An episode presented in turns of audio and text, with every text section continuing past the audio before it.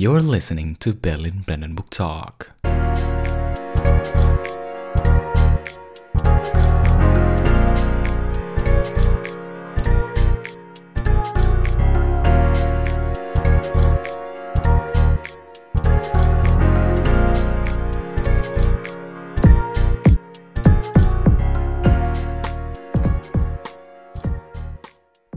Tag und herzlich willkommen zu unserem Podcast Berlin Brandenburg Talk, or also known as To Be Talk, with your host. Maulana.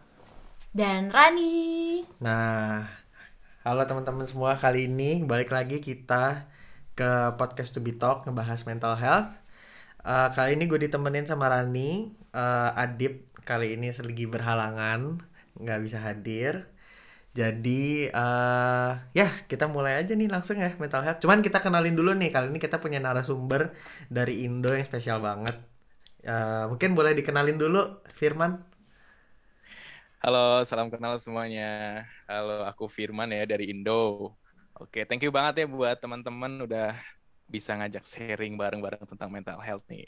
Nah, mantap nih. Boleh mungkin boleh jelasin dulu background lu dari mana di Indo gimana? Oke, kalau di Indo saat ini lagi eh, apa ya bahasanya mengenyam pendidikan profesi klinis menjadi Hmm, calon seorang dokter gitu. Mantap, mantap, mantap, mantap. Nah, kebetulan kita ini eh episode kali ini tuh sebenarnya memperingati hari yang spesial tuh, Ran. Boleh tahu nggak kira-kira apa tuh? Ini bulan apa sih? Ini bulan Oktober ya. Kita setiap tanggal 10 Oktober kita memperingati World Mental Health Day atau Hari Kesehatan Mental Sedunia. Mm-mm, betul. Kenapa sih penting buat dirayain mau? Nah, kalau menurut data apa informasi dari WHO, objektif dari apa tujuan dari World Mental Health Day adalah untuk meningkatkan awareness uh, isu-isu mental health di seluruh dunia dan untuk memobilisasi upaya untuk mensupport uh, apa pun itu aspek dari mental health gitu. Hari ini tuh apa um, World Mental Health Day itu membu- apa membuka opportunity buat semua orang yang bekerja di bidang mental health untuk membicarakan menyuarakan pekerjaan mereka, ma- masalah mereka dan membuat eh, mental health itu menjadi mental health care ya lebih tepatnya itu menjadi realita di seluruh dunia gitu. Wah, itu nice banget sih. Kalau dari perspektifnya Firman nih, dari perspektif dunia kesehatan, gimana tuh? Ya, tentunya eh, kita harus melihat bahwasanya kesehatan itu kan aspeknya banyak ya. Hmm. Ada empat gitu, ada empat unsurnya. Ada kesehatan fisik, kesehatan mental, sosial, dan spiritual. Hmm. Dan tentunya eh, kalau kita melihat sedikit sejarah ya, kesehatan mental kan kurang direkognisi atau awareness-nya kurang dari masyarakat gitu. Hmm. Padahal pada dasarnya kesehatan mental ini adalah satu kesatuan yang holistik kalau kita mau ngomongin kesehatan. Jadi there is no health without mental health gitu. Ya kan? Nah, terus Mantap. juga Suka banget sih, Iya. there is no health without mental health. Oke. yes, betul. Dan juga jangan pernah lupa WHO juga bilang bahwasanya kesehatan mental ini adalah fundamental aspek untuk kita bisa menikmati hidup gitu. Kalau misalnya ada gangguan, ada masalah sama kesehatan mental kita, it's mean that kita kurang bisa menikmati hidup yang sedang kita jalani sekarang. Gitu sih. Hmm, betul betul betul betul. Bagus banget sih itu. Iya, iya. Nah- Oke. Hari ini kita mau bahas apa nih, Mau? Nah, hari ini eh jatuhnya kita sebenarnya untuk episode kali ini tema yang kita mau bahas itu sebenarnya interpersonal attraction. Nah, cuman mungkin buat teman-teman yang lagi ngedengerin, mungkin apaan sih interpersonal attraction? Nah, kata kuncinya adalah untuk interpersonal attraction adalah mungkin kita sambungin dulu ke support system. Nah, mungkin dari Firman bisa dijelasin awalnya kayak gimana tuh? Oke, eh, setuju banget dengan kata support system ya. Jadi kalau misalnya kita sebagai seorang manusia, pastinya kan pernah lah mengalami masalah ataupun gangguan terhadap kesehatan mental kita kan. Hmm. Kita butuh yang namanya recovery, ya kan? Kita butuh recovery untuk bisa eh, kembali ke tahap yang optimal, ya kan? Atau bisa menjadi individu secara utuh gitu. Dan juga eh, sebagai makhluk sosial, kita juga memerlukan peran dari eh, apa manusia yang lain. Nah, makanya dalam kesehatan mental ini support system itu sangat penting sekali especially sebagai part of recovery dari kita untuk bisa menanggulangi masalah kesehatan kita gitu. Jadi Hmm. dengan kita memiliki support system yang baik, itu bisa diartikan juga dengan bahwasannya kita bisa menanggulangi berbagai masalah di sekeliling kita yang berkaitan dengan kesehatan mental itu juga dengan baik gitu. Karena Hmm, eh, secara singkat aja lah, kalau misalnya support system ini kan bisa menjadi tempat cerita ya kan. betul. Meanwhile cerita itu sangat berimpact, sangat berdampak ketika kita punya masalah kesehatan mental itu. Dengan cerita aja udah kayak lega ya kan, udah enak Hmm. gitu kayak. Nah inilah kurang lebih pentingnya support system sih, kayak gitu. Nah, dari situ kan kelihatan kan kalau butuhnya support system, berarti kita nggak bisa hidup tanpa orang lain. Kita selalu butuh orang lain. Nah, makanya di sini masuklah konsep interpersonal attraction. Nah, mungkin bisa dari Rani dijelasin sedikit apa itu interpersonal attraction? ngulang dikit tadi yang Maulana bilang ya itu poinnya bagus banget karena pada dasarnya manusia itu kan makhluk sosial jadi kita memang nggak bisa hidup tanpa orang lain tapi ada orang lain itu kan gak berarti semata-mata menjadikan kita eh, kebutuhan kita terpenuhi gitu. Kita butuh menjalin sebuah relasi sama orang lain. Entah itu bentuknya romantic relationship atau bentuknya pertemanan atau apa pun itu. Em, maaf gue ngeblank Gue bisa lanjutin. Nah, em, apa pun bentuk hubungan relasi yang kita akan jalani sama seseorang, baik itu tadi Rani bilang mau itu romantik atau platonik, pasti pada dasarnya kita harus eh, ada sesuatu yang kita suka dari orang itu, ada sesuatu yang bikin kita connect sama orang itu. Nah, itu merupakan salah satu apa itu interpersonal attraction. Jadi itu merupakan studi uh, mengenai bagaimana orang itu uh, bisa tertarik satu sama lain, baik tadi secara platonik maupun uh, secara romantik gitu ya. Nah mungkin Firman bisa nambahin tadi dari apa yang Rani bilang atau gue bilang. Oke, iya tentunya sih betul ya tentang eh, interpersonal attraction ini adalah eh, tahapan awal kalau misalnya kita ngelihat dari sosial ya tahapan awal untuk kayak kita bisa engage dengan sosial kan. Hmm, Nah, ya kan nggak mungkin lah kalau misalnya dalam komunitas ya kita tiba-tiba masuk aja gitu kan tanpa Hmm. memilih dan memilahnya gitu kan. Sebagai manusia yang punya pertimbangan ya gitu, sebagai punya pertimbangan risk and eh, apa benefit and advantage-nya gimana?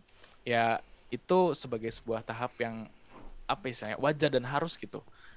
Gak semena-mena kita tiba-tiba masuk, ya kan? Gak semena-mena juga tiba-tiba keluar. Pasti ada tahapan pengenalannya sih.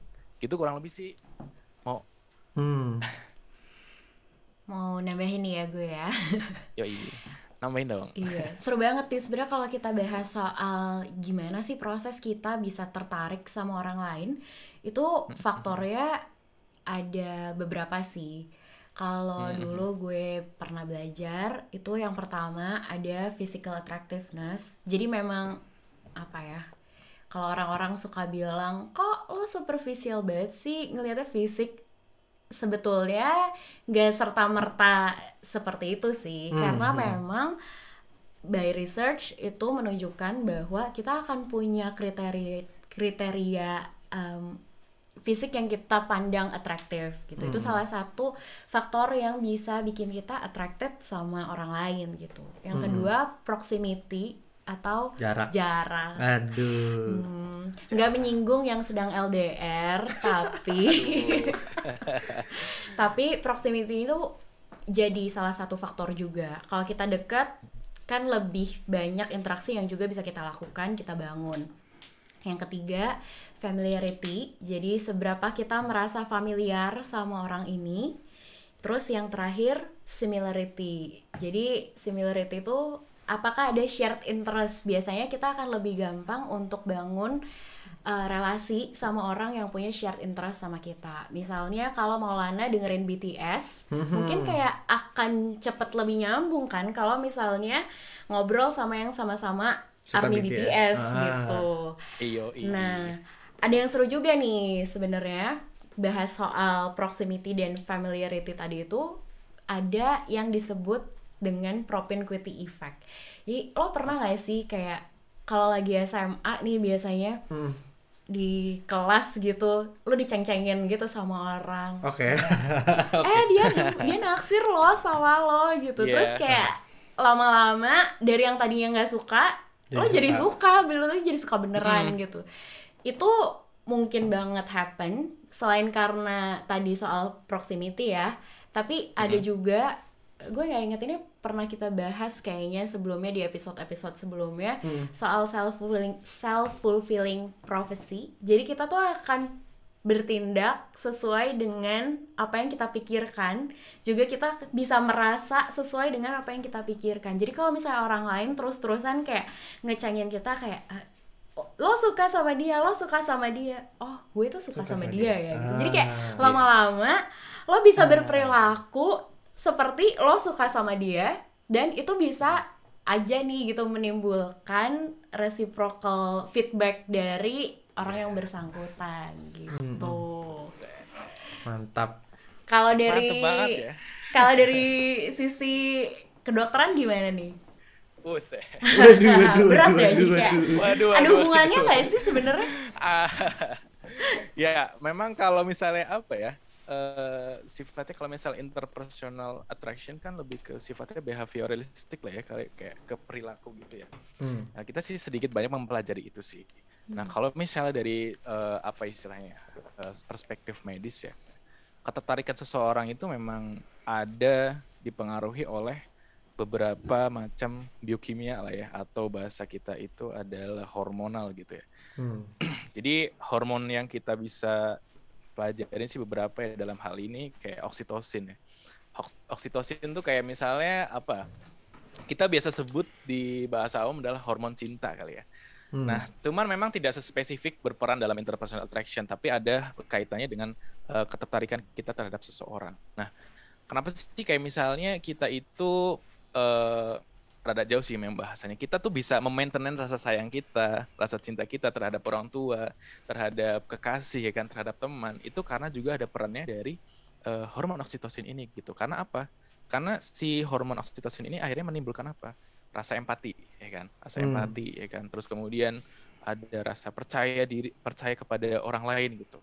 Dan itu dua hal itu kan adalah apa ya komponen yang penting juga dalam eh, sebuah relationship kan Betul. gitu betul. sih. Jadi mungkin ketika kita ngomongin interpersonal attraction, eh, ketertarikan itu akhirnya memicu munculnya hormon oksitosin, ya kan? Ketika misal gue ketemu sama Mo nih, gitu kan, wih, gitu kan, wah, gue ada ketertarikan sama Mo, akhirnya hormon oksitosin itu meregulasi eh, tingkah laku kita sebagai seorang manusia untuk bisa meng-treat Mo sebagai seseorang yang berarti berarti atau bermakna bagi hidup kita, gitu sih kurang lebih.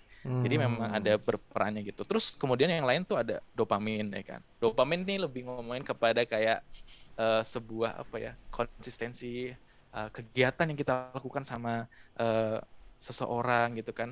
Nah ada dopamin ini berperan sebagai untuk kayak menciptakan konsistensi kita untuk intens berhubungan dengan teman yang atau kekasih atau orang tua yang kita sayangi dan kita cintai gitu. Jadi Hmm. kurang lebih ada peran lah yang Hmm. mungkin itu kecil ya tapi ini sangat berpengaruh yaitu oksitosin dan dopamin gitu Ah, gue tapi mau nanya nih, ini banyak, eh gue nggak tahu ya, mungkin dari sisi Ya. medis kayak gimana. Cuman gue sering baca kalau mas, kalau misalnya eh ketertarikan kita antara satu sama lain itu, Mhm. eh, terutama kalau misalnya dalam hubungan yang romantis kasusnya, Ya. itu ada sesuatu yang namanya feromon. Ya Nah, itu mungkin bisa dijelasin nggak? Atau lu ada gimana? oh hormon feromon ya feromon ya Eh feromon memang mungkin lebih kepada sexuality thing gitu ya Hmm. ngomongin gairah seksual gitu ya memang Hmm.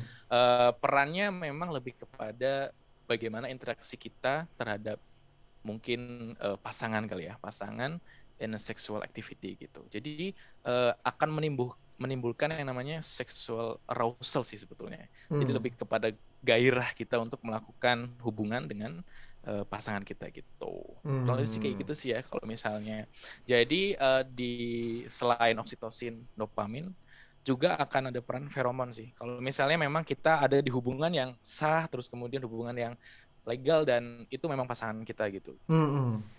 gitu sih. Oke, kayak seru banget ya. Jadi sebenarnya selain faktor-faktor sosial nih kayak tadi Yes. uh, familiarity, terus kedekatan, ada juga nih faktor-faktor yang memang secara biologis tuh berpengaruh terhadap proses ketertarikan kita terhadap orang lain gitu Betul. ya. Betul. Oke, oke. Nah, teman-teman tadi kita kita udah ngebahas kayak apa yang membuat orang tertarik eh, untuk membu- membuat relasi satu sama lain itu seperti dari sisi biologis sama dari sisi psikologis atau sosial. Eh, dan pastinya em, kita juga pastinya nanti akan cari tahu kalau kita menjalin eh, hubungan sosial terhadap manusia yang lain itu apa sih gimana sih relasi yang sehat itu atau relasi yang tidak sehat itu kayak gimana sih nah hal itu eh, relasi yang sehat dan tidak sehat itu pasti akan berpengaruh ke mental health ke kesehatan mental kita nah karena itu nanti karena topiknya menarik banget jadi nanti bakal kita bahas di episode selanjutnya Eh, yang pasti bersama narasumber yang super dan juga dengan host kita yang super lagi. Eh,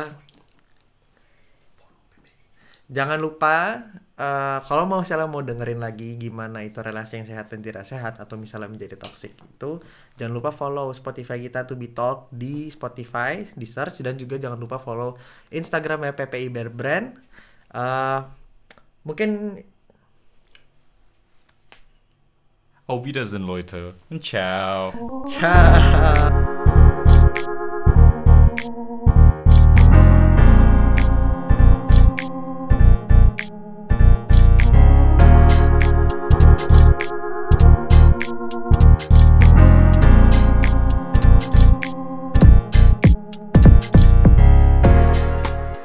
Terima kasih telah mendengarkan episode podcast minggu ini. Segala informasi yang kami utarakan di podcast ini didasarkan oleh opini masing-masing dengan tujuan untuk berdiskusi. Nantikan episode podcast berikutnya dan jangan lupa untuk follow Instagram kita juga yaitu @ppi Berbrand. Wir bedanken uns nochmal bei euch und auf Wiedersehen.